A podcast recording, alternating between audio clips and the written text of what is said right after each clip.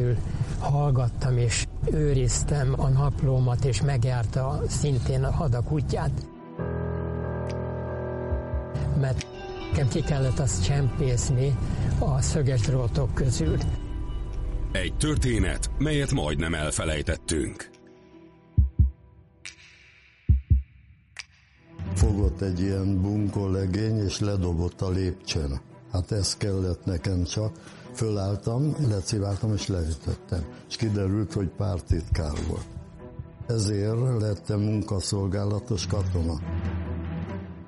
Az 56-os forradalom leverése után közel ezer ember, bányász, diák, tanár, katona és civil gerilla harcos alakulatként szállt szembe a 30 ezer fős vörös hadsereggel a mecsekben. Hazánkban nincs védeketen kibontakozó forradalom. Komoly veszteségeket okoztak a világ egyik legnagyobb hadseregének, ami elsősorban Kubica Jánosnak, egy második világháborús veterán hadnagynak volt köszönhető, akit a kommunista rezsim megfosztott katonai rangjától.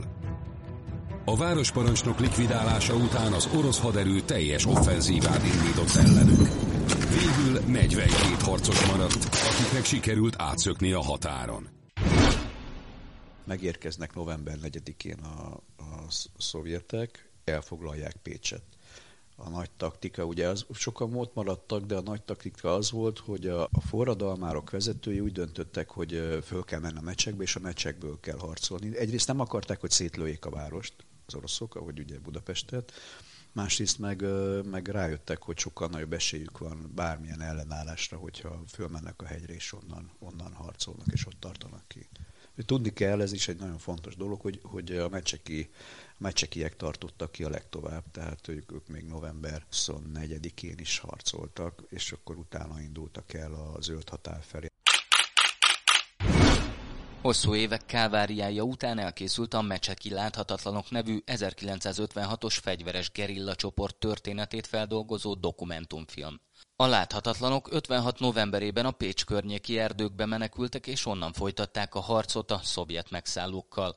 Arról, hogy a hegyen mik történtek és hogyan szálltak szembe a szovjet hadsereggel, és később mi lett a láthatatlanokkal, nem sok mindent lehetett tudni egészen addig, amíg Cséna Csendor rendező le nem forgatta a róluk szóló dokumentumfilmjét. Ez itt a Selfie, a Szabad Európa podcastje. Bátori Róbert vagyok. Adományokból és a Pécsi önkormányzat segítségével fejezték be a láthatatlanok eddig még el nem mesélt történetét beleállt a film alap abba, hogy te meg tud csinálni ezt a filmet? Ezekről az 56-os magyar hősökről, vagy sem? Nem. Tehát a, film alap nem támogatta. Nagyon sokszor pályáztunk a film alaphoz, a történelmi film kuratóriumhoz, a dokumentum film kuratóriumhoz, tehát hogy több helyen, ami, ami, ami lehetőség csak van a film alapnál, ott mindent megpróbáltunk, hogy ezt a filmet, ugye most a láthatatlanok dokumentumfilmről van szó, hogy ezt a filmet meg tudjuk csinálni, sehonnan soha nem kaptunk ilyen módon segítséget, mindig visszautasítás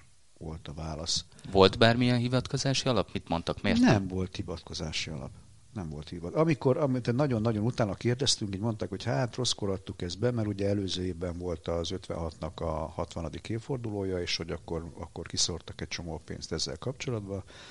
De hát én mondtam, hogy most találtuk meg ezt a témát, most találtuk meg ezt a három embert, akik fönt voltak a meccsekben, harcoltak 16, 18, meg 20 évesen, fantasztikus élettörténettel, és hogy ezt a filmet most tudjuk megcsinálni, és ez egy olyan történet, amit alapvetően nem nagyon ismer még senki. Tehát a pécsiek se nagyon, mint kiderült. És erre azt mondták, hogy így járt.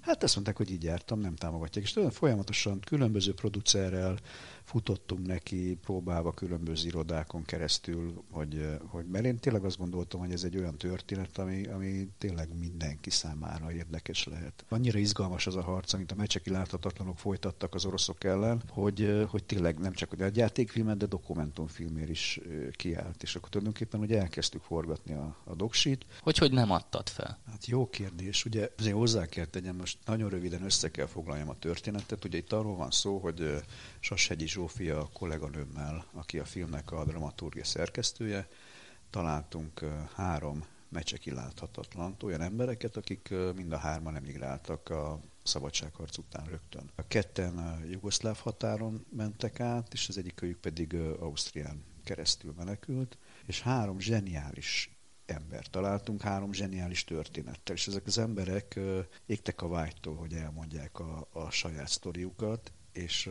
fantasztikus volt, vibráló volt a környezetükben lenni, mert ahogy ők egymásra találtak, és ugye találkozott ez a három ember, és meggyőződtek, hogy igen, mindenki fönt volt, tehát azokból az elbeszélésekből, amiket egymásnak, mert ők nem ismerték egymást, vagy csak nagyon felszívesen ketten. És annyira, annyira belelkesültek azon, hogy, hogy találkoztak, és egymásnak mesélhették a, a történeteiket, hogy ez nagyon behúzott minket is. És akkor jött a pofára esés, a folyamatos pofára esés. Egyik pályázatot visszautasították, a másik pályázatot visszautasították, vártunk egy fél évet, a harmadik pályázatot is visszautasították, és hát eléggé, eléggé szomorú, elkeserítő volt a helyzet. Ugyanakkor szerencsére, hogy Zsófival egymást tudtuk inspirálni a nehéz helyzetben, és tulajdonképpen mindig a legvégén, amikor már tényleg úgy voltunk, hogy feladjuk véget. Tehát, hogy egyszerűen ez a film nem akar elkészülni, nem akar, nem akar megvalósulni, akkor mindig arra gondoltunk, hogy ezek a mecseki harcosok, fiatalok hihetetlen heroikus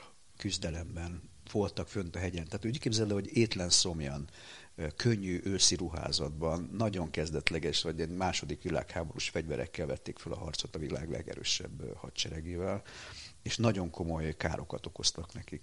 És úgy voltunk velük, hogyha ők ki, tudtak tartani, akkor nem szabad mag nekünk elengedni ezt a történetet, és jött az a, az, a, az a jó ötlet, hogy akkor, akkor kezdjük el a filmet más oldalról, máshonnan megfinanszírozni, és akkor elkezdtünk egy közösségi finanszírozást beindítani. Ahhoz képest, hogy nem volt semmi, és már a saját pénzünkből forgattunk, és kollégák igazából a két szép szememért jöttek el operatőrködni, hangmérnökösködni, mert mondtam nekik, hogy igazából akkor tudom őket kifizetni, hogyha, hogyha már lesz valami pályázatunk, valamelyik pályázatunk nyerni. Megmondom őszintén, azt gondoltam, hogy hát ez egy olyan téma, hogy ez mindenkit érdekel, tehát ez nem egy köldöknézős művészmozi, hanem egy olyan sztori, ami, ami tök izgalmas és nagyon érdekes, és, és hát ezt valószínűleg támogatni fogják, hát nem támogatták és akkor elindult ez a közösségi finanszírozás, és a közösségi finanszírozásból jött meg az első egy millió, másfél millió forint, és az fantasztikus élmény volt, hogy, hogy mennyi pécsiek, budapestiek, és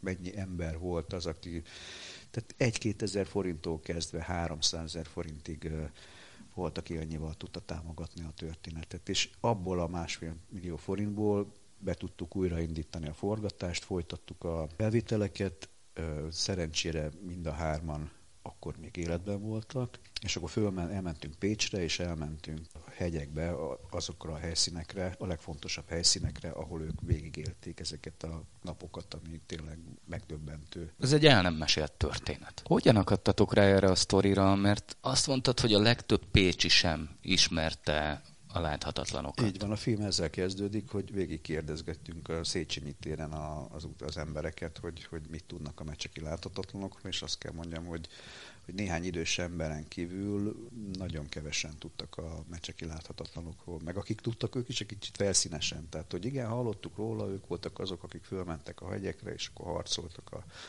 a szovjetek ellen, de kb. ennyi, de, hát, de nagyon-nagyon felszínes ismereteik voltak. Hogyan találtuk ezt a történetet? Én a, egy kedves kollégám, Egri Manó keresett meg, hogy ismer egy mecseki láthatatlant, és hogy találkozott vele, és hogy beszélt vele, meg ők elkezdtek forgatni vele. Őt Farkas Józsefnek Joe bácsinak hívják, innentől kezdve Joe bácsi, aki Ausztráliából jött haza Magyarországra, és akkor ilyen két laki életet él, hol Ausztráliában van, hol Magyarországon és hogy, hogy ezt ebből a Joe bácsi történetéből mindenképp, meg a mecseki láthatatlanokból mindenképp kellene egy filmet forgatni, és hogy mennyire jó lenne. Tudta, hogy én dokumentumfilmeket is rendezek, bizott abban, hogy ez, ez egy olyan típusú dolog, amit én szívesen megcsinálnék, és megtalált ezzel. És az elején, amikor még csak felszínesen ismertem a történetet, egy kicsit húzadoztam tőle, mert hogy 56, ma már ezt olyan, ugye nagyon, nagyon, hogy mondjam, sokszor lerágtuk, sokat hallottuk, már kicsit ilyen, ilyen gumicukoríze van, nem akarok rosszat, de hogy nehéz. Azt gondoltam, hogy ugye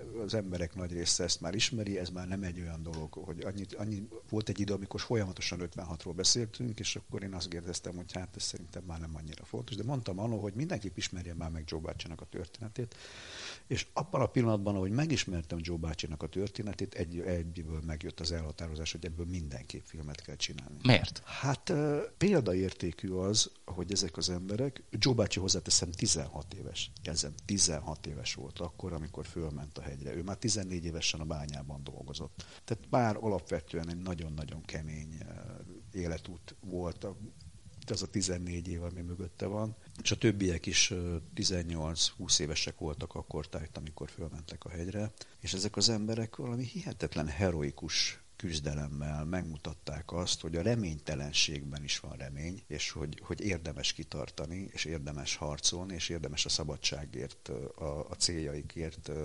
harcolni, és akkor azt éreztem, hogy basszus, ez, ez, ez nem csak engem, engem érdekel, hanem remélhetőleg még nagyon sok embert, mert, mert egy olyan példaértékű történetek vannak, sok-sok apró történet van, és az, az egyszerűen annyira megragadott, hogy meg ahogy magam előtt elképzeltem, ahogy ők mesélnek erről, és hogy beszéltek arról, hogy hogy történt, mik történtek, azt mondta, hogy a mai szemnek, a mai fülnek ebben a lanymeleg kis világunkban, hogy ez, ez, egy, ez egy tök izgalmas dolog lehet, és hogy, hogy remélhetőleg a mai fiataloknak valami fajta utat mutat. Nem 70 éve történt mindez. Ja. Hogy, hogy nem került felszínre, vagy a nagyobb uh, nyilvánosság elé? Pécset uh, történészek ezzel foglalkoztak. Tehát a pécsi levértáros, meg történész Rozsantal, ő nagyon komoly munkát végzett ennek a történetnek a felkutatásával mondom, hogy történészek erről beszéltek. De hogy, hogy miért nem került ez a nagy nyilvánosság elé, nem tudom megmondani, nem is, nem is értem a mai napig, hogy ezt, ezt mi fedeztük föl. Tehát Pécs polgármestere külön köszönetet mondott nekünk azért, hogy ugye mi nem vagyunk pécsiek, de hogy mi, mi lettünk végül is azok, akik ezt a, ezt a történetet méltóképpen be tudtuk mutatni a pécsieknek, Baranya megyeieknek és az egész országnak. Hogy kerül három fiatal abba a szituációba, hogy reggel felkelnek, és két óra elteltével már a szovjetek ellen harcolnak a mecsekben. Tisenyi Feri bácsi volt az, aki akkor 18 éves volt.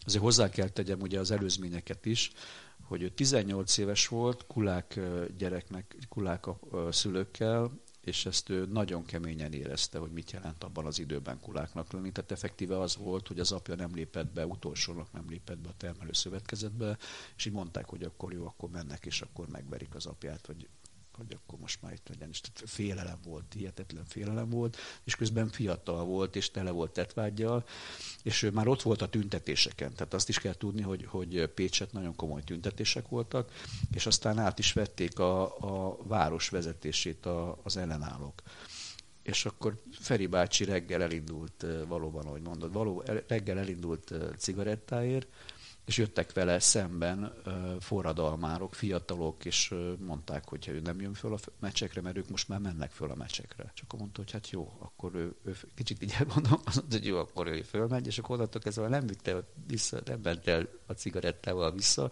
hanem ő is kapott fegyvert, és úgy, ahogy volt abban a könnyű őszi ruházatába, fölment. És így meséli a, a filmben, hogy jó, jó, hogy nem ment vissza, de hogy, hogy még reggelizni se reggelizett, és hogy ő utána nem emlékszik, hogy mikor evett legközelebb, tehát hogy mikor jutott ételhez, és mind a hárman erről mesélnek a különböző történeteikben, hogy, hogy, hogy nagyon-nagyon keveset ettek, nagyon-nagyon keveset pihentek. Fáradtak voltak, de kitartottak, és volt, amikor a, a kocsinyomból ittak, tehát hogy az erdőben a, a lovas kocsinyomból itták a vizet, mert az volt a, az egyetlen lehetőség ahhoz, hogy, hogy oltsák a szomjukat. Beszéljünk egy picit a láthatatlanokról. Kik ők, mennyi ideig tartottak ki a hegyen a szovjet hadsereggel szemben, mennyi idő után adták fel a harcot és fogták menekülőre? Megérkeznek november 4-én a, a szovjetek, elfoglalják Pécset a nagy taktika. Ugye az, sokan ott maradtak, de a nagy taktika az volt, hogy a, a forradalmárok vezetői úgy döntöttek, hogy föl kell menni a meccsekbe, és a meccsekből kell harcolni. Egyrészt nem akarták, hogy szétlőjék a várost, az oroszok, ahogy ugye Budapestet, másrészt meg, meg rájöttek, hogy sokkal nagyobb esélyük van bármilyen ellenállásra, hogyha fölmennek a hegyre, és onnan, onnan harcolnak, és ott tartanak ki. Tudni kell, ez is egy nagyon fontos dolog, hogy, hogy a meccseki meccsekiek tartottak ki a legtovább, tehát ők, ők még november 24-én is harcoltak, és akkor utána indultak el a zöld határ felé, amikor már látták, hogy semmilyen ENSZ segítség nem jön. Ugye ezt is kell tudni, hogy sokan kérdezik, de hát hogy hogy mi, mitől maradtak fönt ezek az emberek, mi, mit, honnan vették a bátorságot. Ugye. Hogyan maradtak olyan sokáig életben? Tehát hogyan Igen. harcoltak? Ugye ez a lényeg, hogy itt volt egy zseniális katona, úgy hívják, hogy Kubica János, és ő egy a horti rendszerben volt katonatiszt, és nagyon ügyes, nagyon nagy tudású katonatiszt volt. Pont ezért, mivel ő egy horti rendszerben levő katonatiszt volt, hogy Pécset annyira nem kapott munkát, hogy csak éjjel tudott a piacon zöldséget pakolni, és abból élt meg. És akkor ő volt az, amikor látta, hogy kitört a forradalom, akkor oda ment a forradalmárok, és elmondta, hogy figyeljetek, én itt vagyok, én egy katonatiszt vagyok, hogyha szükségetek van rám, akkor itt és itt megtaláltok, és keressetek meg. És akkor elmentek a pécsiek is, megtalálták, megkeresték, és mondták, hogy szükségünk van katonai vezetőre. Kubica összeszedte a, a dolgait, az iránytűt, a fegyverét és a térképeit. Ő nagyon jól ismerte a, a mecseket, tehát ő már az apjával nagyon sokat vadászott azon a környéken, tehát ő úgy ismerte a mecseket, mint a tenyerét. És ez későbbiekben iszonyú nagy segítségre volt a forradalmárokra, tehát nagyon sok embernek az életét mentette meg azzal, hogy egyrészt először is szakaszokra osztotta az ellenállókat. Tudni kell, hogy több mint ezer ember ment fel. Képzeld, több mint ezer ember fent föl az első napokban a hegyre. Tehát ennyire elszántak voltak akkor a tehát munkások, bányászok, tanárok, férfiak, nők, tehát a, egy ilyen nagyon-nagyon széles merítés ment föl a meccsekre harcolni, és, és a Kubica volt az, aki, aki mint katonai vezető ezt, ezt a ezt a brigádot szétosztotta, amikor éppen nem voltak harcok, akkor tanította fegyverrel bánni őket, tehát hogy egy ilyen, egy ilyen zsenit képzeljünk el, aki, aki nagyon-nagyon sok embernek az életét megmentette, és pont az volt, hogy amikor fölment, és átlátta a helyzetet, és látta, hogy a csapat hol van, akkor azt is tudta, hogy ez egy olyan hely, ami nagyon gyorsan megtalálható a zaknavetőkkel, és mondta, hogy azonnal menni kell innen, és rá két órával már aknavetővel lőtték azt a területet. Tehát csak egy példa sok közül. Két hétig voltak fönt a hegyen, utána menekülniük kellett. Mekkora fejtörést vagy károkat okoztak a szovjeteknek? Olyan uh, taktikai dolgokat találtak ki, hogy ilyen tányérokat lefordítva tettek az úttestekre, az oroszok azt hitték, hogy ezek a nem mertek rámenni, nem mertek tovább menni. Akkor ugye a nagy, nagy voltak ilyen, a Mecse kapunál például így kvázi ilyen nagy ütközetek, amikor a olajjal felöntötték a, az utat, ment föl a három tank, és akkor megcsúszott a, az egyik, ugye visszacsúszott a másiknak, a többiek nem tudtak ott tovább menni. Na, akkor utána a mecsekiek föntről, a mecsekapuról elkezdték dobálni a, a kézigránátokat, molotov koktélokat, fölgyullad a tank, és akkor menekült belőle többek között. Az, egy, az egyik orosz tiszt, ugye kvázi ő volt a főparancsnokuk, Kornyusi őrnagy, aki megszállta Pécset, és maga biztosan ment, hogy na ő majd pikpak végez ezekkel a kis fiatalokkal, akik fönt a hegyen ellenállnak, és egy pár tankkal ő elindult felfedezni, hogy mi van, meg hogy van.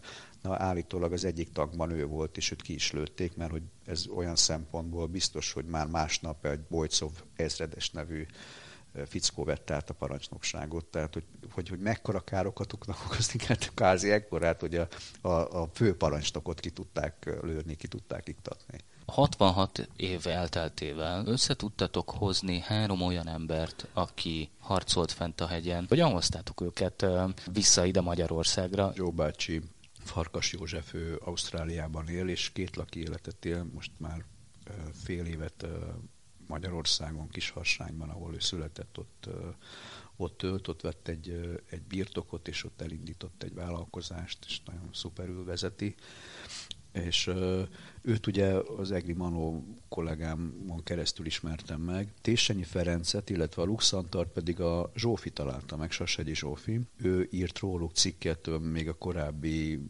Magyar Nemzetben, és én ezeket a cikkeket olvastam, és egyből fölkerestem a Zsófit, hogy, hogy, hogy találkozzunk, és milyen jó lenne együtt dolgozni, és szerencsére a Zsófinak nagyon tetszett az ötlet, hogy akkor dolgozzunk együtt, hozzuk ezt a három embert össze. És akkor így indult tulajdonképpen a történet.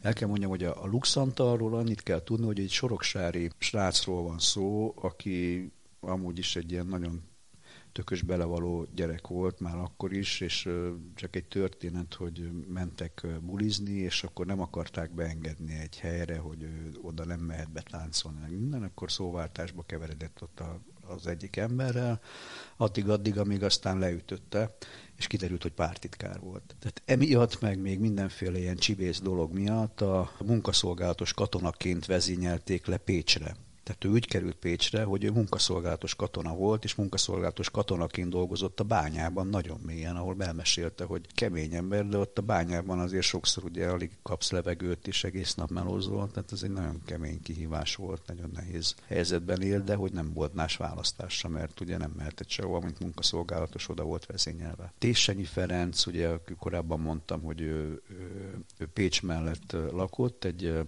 egy kulák család gyerekeként. Tehát ő folyamatosan látta azt, hogy a saját családját hogy alázzák meg a kommunisták, és milyen nehéz helyzetbe hozzák. Tehát neki nem kellett sok ahhoz, hogy, hogy fölmenjen a hegyre. Ő későbbiekben, ja, visszatérve, ugye Luxantal Berlinbe került, és egy nagyon híres képzőművész a mai napig. Tésenyi Ferenc pedig Svájcba került. Tésenyi Ferenc kétszer házasodott, de hogy hosszú-hosszú éveken keresztül nem merte még a családjának se elmondani, hogy ő mit csinált Pécset, hol volt, mert hogy még be, sok, sokáig voltak besúgók Svájcban is. Tehát ő ezt titkolta ezt a történetet, szinte a Zsófi volt az első, akinek 60 év után elmesélte. Igen ezt most nézel rám, de ez valóban így volt, hogy, hogy ő ezt az egész történetet titkolta, tehát félelem volt. Hát fönt voltak a hegyen, lőttek, embereket öltek meg, tehát távosokat, oroszokat, tehát hogy kérdezted, hogy milyen, milyen veszteségeket okoztak, nagyon komoly veszteségeket okoztak az orosz hadseregnek, nem véletlenül rágtak be. Tehát ugye egyre jobban felidegesítették. Ugye kilőtték a főparancsnokot, és, és azt vették észre, hogy, hogy nem tudnak rendesen harcolni ellenük, mert hogy, hogy valóban láthatatlanok lettek, mert iszonyú gyorsan tudtak mozogni a hegyen, ők ismerték a járásokat, illetve a fővezetők, a szakaszvezetők tudták, hogy, hogy, hogy merre kell menni. Nagyon jó volt a kommunikáció a, a szakaszok között, de egymást nem nagyon ismerték, mindenki álnéven volt fönt. Ez is nagyon fontos dolog volt, mert ugye voltak olyanok, akik lejöttek a hegyről, és hogyha elkapják őket, akkor ne, ne lehessen tudni, hogy ki az, akivel együtt harcoltak, hogyha mondjuk tényleg volt erre példa, hogy megkínozták őket, vagy akár meg is gyilkolták, amikor megtudták, hogy meccse kiláthatatlan. Joe bácsiról annyit kell tudni, hogy mindhármok közül ő volt a a legszegényebb, és neki volt a leghányatatottabb sorsa. Őt az édesapja a második világháború után kint ragadt Oroszországba, Málenki robotra küldték, és amikor az 50-es években hazajött, egy pár hónapot élt már csak, és meghalt, és az édesanyja közben összeházasodott egy másik férfival, aki nem nagyon akarta Joe bácsit elfogadni. Lényeg az, hogy ő aztán egy ide után árvaházba került és az árvaházból megszökve jött vissza Pécsre, és ment a bányába dolgozni, munkásszálláson lakott, és ő már 14 évesen egy nagy zsivány volt tulajdonképpen, és és 16 évesen meg fölkerült a hegyre, hogy kérdeztük tőle, hogy, hogy, te, hogy miért mentél föl a hegyre, és mondta, hogy a, ő is kiment a tüntetésekre, és látta, hogy az ávosok mennyire brutálisan bántak a, a tömeggel, számára egyértelmű volt, hogy, hogy harcolni kell ezen a rendszer ellen, úgy fiatalon. Meg ugye a többiekkel ment, tehát hogy ő még mint egy fiatal srác, mert a Tissanyi Ferenc már sokkal, sokkal inkább elhatározottabb volt, ugye, mert ő neki a, a szüleit nagyon keményen megalázták és Luxantal pedig ő, ő vérberi antikommunista volt már fiatal kora óta, mert ő teljesen tisztában volt azzal, hogy, hogy mit jelent az, hogy rákosi rendszer, tehát ő nagyon keményen szintén soroksáron a saját bőrén megtapasztalta. Tehát ezek az emberek tényleg nem, nem hobbiból mentek föl a hegyre, vagy nem azért, hogy akkor most ez egy poén, vagy egy jó dolog, és akkor most fiatalok vagy kellene nálunk, hanem, hanem elég, eléggé elhatározottak voltak már akkor. Amikor összehoztátok ezt a három embert, akik egyébként nem ismerték egymást, mert mint a valódi neveiket, tehát egymás így van, így valódi van. nevét nem tudták, akkor mit szóltak egymáshoz így több mint 60 év eltelt? Amikor találkoztak, és bebizonyosodott, hogy mert ugye mindenkiben volt egyfajta kételj. Például Joe bácsiban azért, mert ő találkozott már két olyan emberrel is, amikor hazajött Pécsre, akik azt mondták, hogy fönt voltak a hegyen. És akkor elkezdte kérdezgetni őket, hogy te hol voltál, mi volt, hogy volt, és kiderült, hogy, hogy ez fék, vagyis hát hamis információ, mert hogy nem voltak fönt próbáltak Pécsen is elég sokan erre hivatkozni a rendszerváltás után, hogyha hát ők ott voltak 56-ban, meg fönt voltak, és ezzel próbáltak valami fajta előnyhöz jutni. És Joe bácsi számára kiderült, hogy vannak ilyen emberek, akik ezzel próbálnak hivatkozni, de nem valós az ő történetük. Tehát azért az első első negyed órában, fél órában lehetett érezni azt, hogy így mindenki kóstolgatja, tapogatózik a másik felé. Ja, két hétig kitartottak, a meccsekben, és utána elkezdtek menekülni. Hát az elég nagy utat jártak be.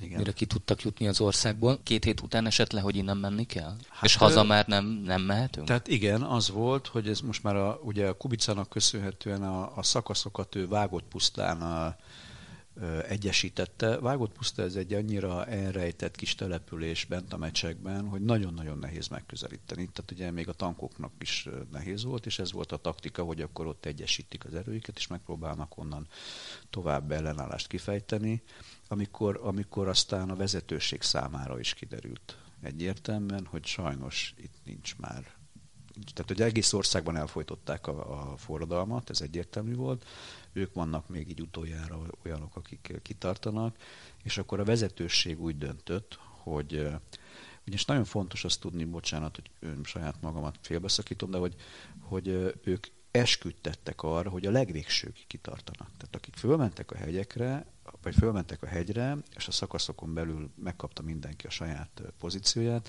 ezek az emberek felesküdtek arra, hogy a, a legvégig kitartanak és akkor a szakasz parancsnokok, illetve a gazda, aki az egész mencseki ellenállásnak a feje volt, és a Kubica, ők fölmentették az esküjük alul az embereket, és azt mondták, hogy innentől kezdve mindenki mehet, amerre, amerre kedve tartja, vagy amit, amit ahova szeretne menni, vagy amit úgy képzel, úgy gondol, hogy neki jó.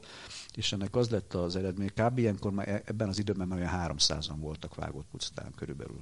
Az embereknek a nagy része elment, hazament, illetve elbújdokolt, de nem akart külföldre menni.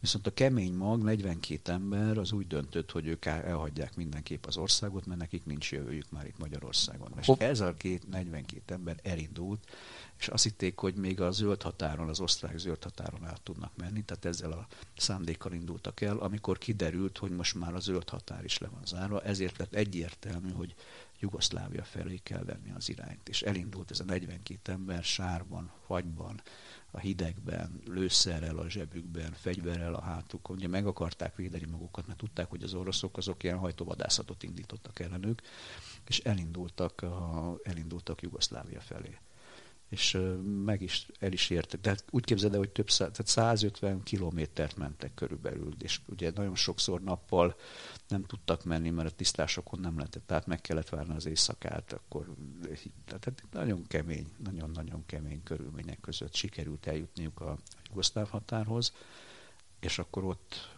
megadták magukat. És Téssenyi Feri bácsi naplójából, és ez egy nagyon fontos dolog, hogy ezt nem mondtam, vissza, és itt akartam visszakötni ahhoz, hogy a Téssenyi honnan ismerte a Farkas Józsefet.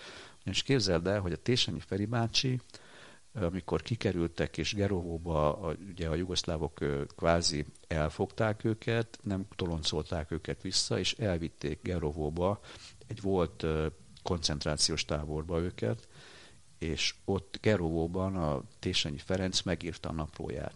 És napról napra teljesen frissen, 18 évesen, irodalmi értékűen, tényleg iszonyú izgalmasan leírja, hogy mi történt velük, hogy hol, mikor, mi, milyen események voltak, és a legapróbb részletekig sokszor nagyon érdekes az a napló.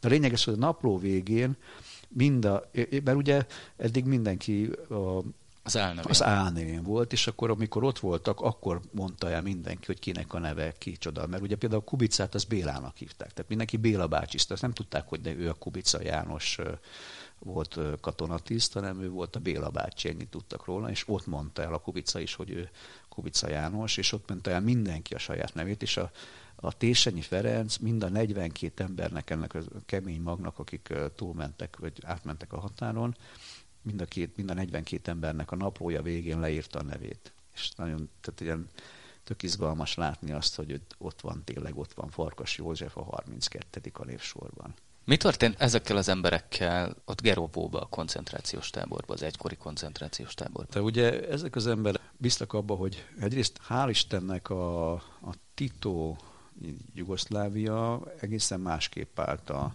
az akkori forradalomhoz, mint mondjuk a Szovjetunió, illetve a környező szocialista országok, és ők beengedték az ENSZ embereit, és lehetőséget adtak az ott levőknek, hogy máshova tudjanak emigrálni, ne kelljen hazamenni. Mert ugyanis képzeld el azt, hogy Magyarországról is mentek közben oda ki a Gerovói táborba, és ott beszélgettek velük, és megpróbálták őket visszacsalni. És hát senki nem sikerült, tehát azért elég egyértelmű volt. Hozzá kell tegyem, hogy, hogy azért voltak rendes emberek, mert a, például a Joe bácsi elmondta, hogy hát ő mit csinált, meg hogy csinált, és akkor mondták, hogy hát akkor neki nem javasolják, hogy visszajöjjön Magyarországra, mert tudták, hogy olyan börtönbüntetést fog kapni, vagy olyan, olyan megtorlásban lesz részt, ami egy egész életre kihat.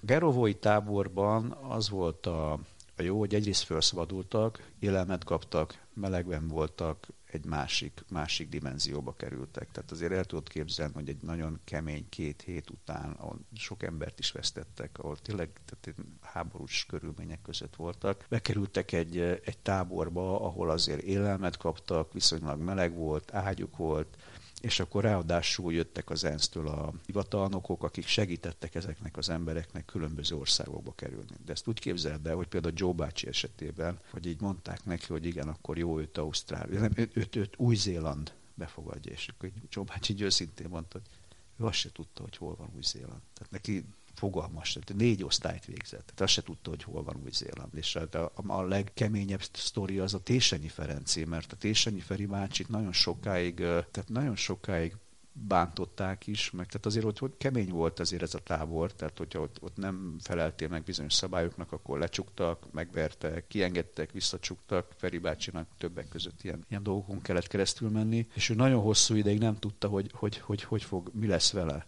és próbált ott a közeli, a tisztekkel beszélni, azt elmeséli, és hogy az, hogy becsempészte a levelét, hogy ő kicsoda, és hogy ő el szeretne innen menni a, a, az amerikai tisztviselőnek, és neki nagy nehezen sikerült bekerülni, amikor, amikor, amikor már úgy érezte, hogy már nincs, nincs remény, akkor tudta meg, és egy kamerák előtt el is írja magát, hogy, hogy rajta van a listán, hogy ő, ő mehet Svájcba. A Luxantalnak meg pedig más a története, na az sem volt egy kis pálya, ő, ő elindult Pécsről, haza, hazafelé, ott is elkapták az oroszot, megszökött, megdöbbentő körülmények között jutott el az osztrák határ, és ott is valami hihetetlen kalandos útvonalon tudott átmenekülni a határon. Várj, ön nem a, a jugoszláv táborból ment? Nem, nem, nem. Ő, ő ugye mivel, ja igen, ő el is mondja, hogy, hogy ő tudta, hogy Titó láncos kutyája, mindig ezt mondta, uh-huh. Titó láncos kutyája, és hogy úgy volt vele, hogy ő semmiképp sem akar Cseberből vederbe esni, és ugye mivel száz emberről van szó,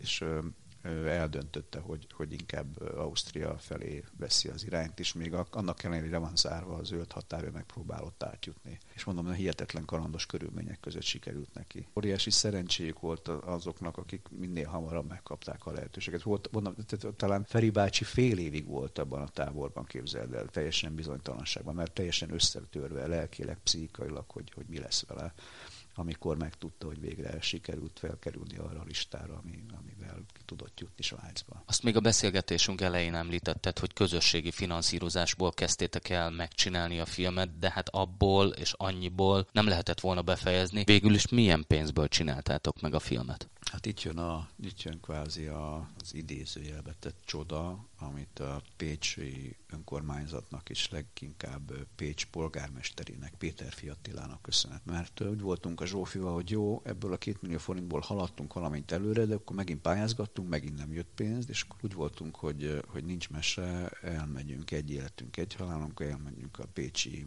pécsiekhez is megpróbálunk beszélni velük, és elmondani nekik, hogy nekünk szükségünk van arra, hogy ezt a filmet befejezzük, hát ha tudnak segíteni. Ugye tudjuk, hogy mivel Pécs is egy ellenzéki város, és rendesen ki van fosztva. Hát ugye hozzá kell tegyem, hogy előtte voltunk, ugye még a Fideszes vezetésnél is próbáltunk támogatást szerezni, annyira nevetséges összeget kapunk, hogy inkább nem is mondom el, hogy mennyit. Mennyit? 100 ezer forintot. Igen, tehát hogy a, a Pécs Fideszes vezetésű polgármesteri hivatal hosszú-hosszú kéregetés és irogatás és találkozás után döntött úgy, hogy 100 ezer forinttal támogatja a filmet. És akkor elmentünk, és lehetőségünk volt bejutni Péter Fiattila polgármester úrhoz, akiről mondták, hogy egy, egy elég, hogy is mondjam, nyílt ember, aki, hogyha meghallgat, de hogyha öt perc után ő úgy érzi, hogy, hogy nem tud segíteni, vagy nem tud abban a dologban segíteni, akkor ő meg is mondja. Nem az van, hogy fél órát ott ülsz, vagy órát beszélsz, és akkor, akkor majd utána, hogy jó, majd jöjjünk vissza, meg majd kitaláljuk. Ezzel a, ezzel a felszólítással mentünk be, és ez nagyon jó élmény volt, amikor már láttuk, hogy már majdnem egy órája bent vagyunk, és mesélünk neki arról, hogy hol tartunk, mit csináltunk, mi van. És akkor a polgármester úr azt mondta, hogy ő megpróbál nekünk mindenképp segíteni, adjunk neki egy hónapot, és megpróbálja a kapcsolatrendszerét megmozgatni, hogy, hogy megkérdezte azt, hogy mennyi ez a minimális összeg, amiben be tudjuk fejezni a filmet, hogy ezért méltóképpen elkészüljön. Én elmondtam, hogy ez a, ez a költségvetés, és akkor azt mondta, hogy jó, akkor kér egy hónapot, ő megpróbálja ezt a pénzt előteremteni, és a kapcsolatrendszerén keresztül sikerült, két vagy három hétre rá ő hívott föl, tehát ez is egy fantasztikus érzés volt, amikor egy város polgármestere fölhív, hogy sikerült összeszedni a pénzt, folytassuk a munkát és fejezzük be a filmet. Tehát ez a csattanója, hogy így sikerült ezt a történetet megvalósítanunk. Most viszont sorra nyeritek vele a díjakat. Ez annyira sikeres lett Pécsen ez a film, ugye ott volt a díszbemutatója, és most, most október 23-án pedig szintén volt egy új vetítése a filmnek a Kodály központban, hogy, hogy a pécsiek nagyon megszerették, és ott megkaptuk a várostól a szabadságdíjat, ami az 56-os tulajdonképpen a városnak a, a díja, azokat díjazzák, akik a pécsi 56-osokkal foglalkoznak, és, és ezt most megkaptuk a Pécs városától, ami nagyon megtisztelő volt és közben egy héttel ezelőtt volt Szabadkán az Országos Független Filmfesztivál, ahol pedig megkaptuk megosztva a legjobb dokumentumfilmnek járó díjat, ami szintén egy nagyon, nagyon jó érzés volt. Ez volt a Selfie a Szabad Európán. Köszönöm a figyelmüket, Bátori Róbertet hallották.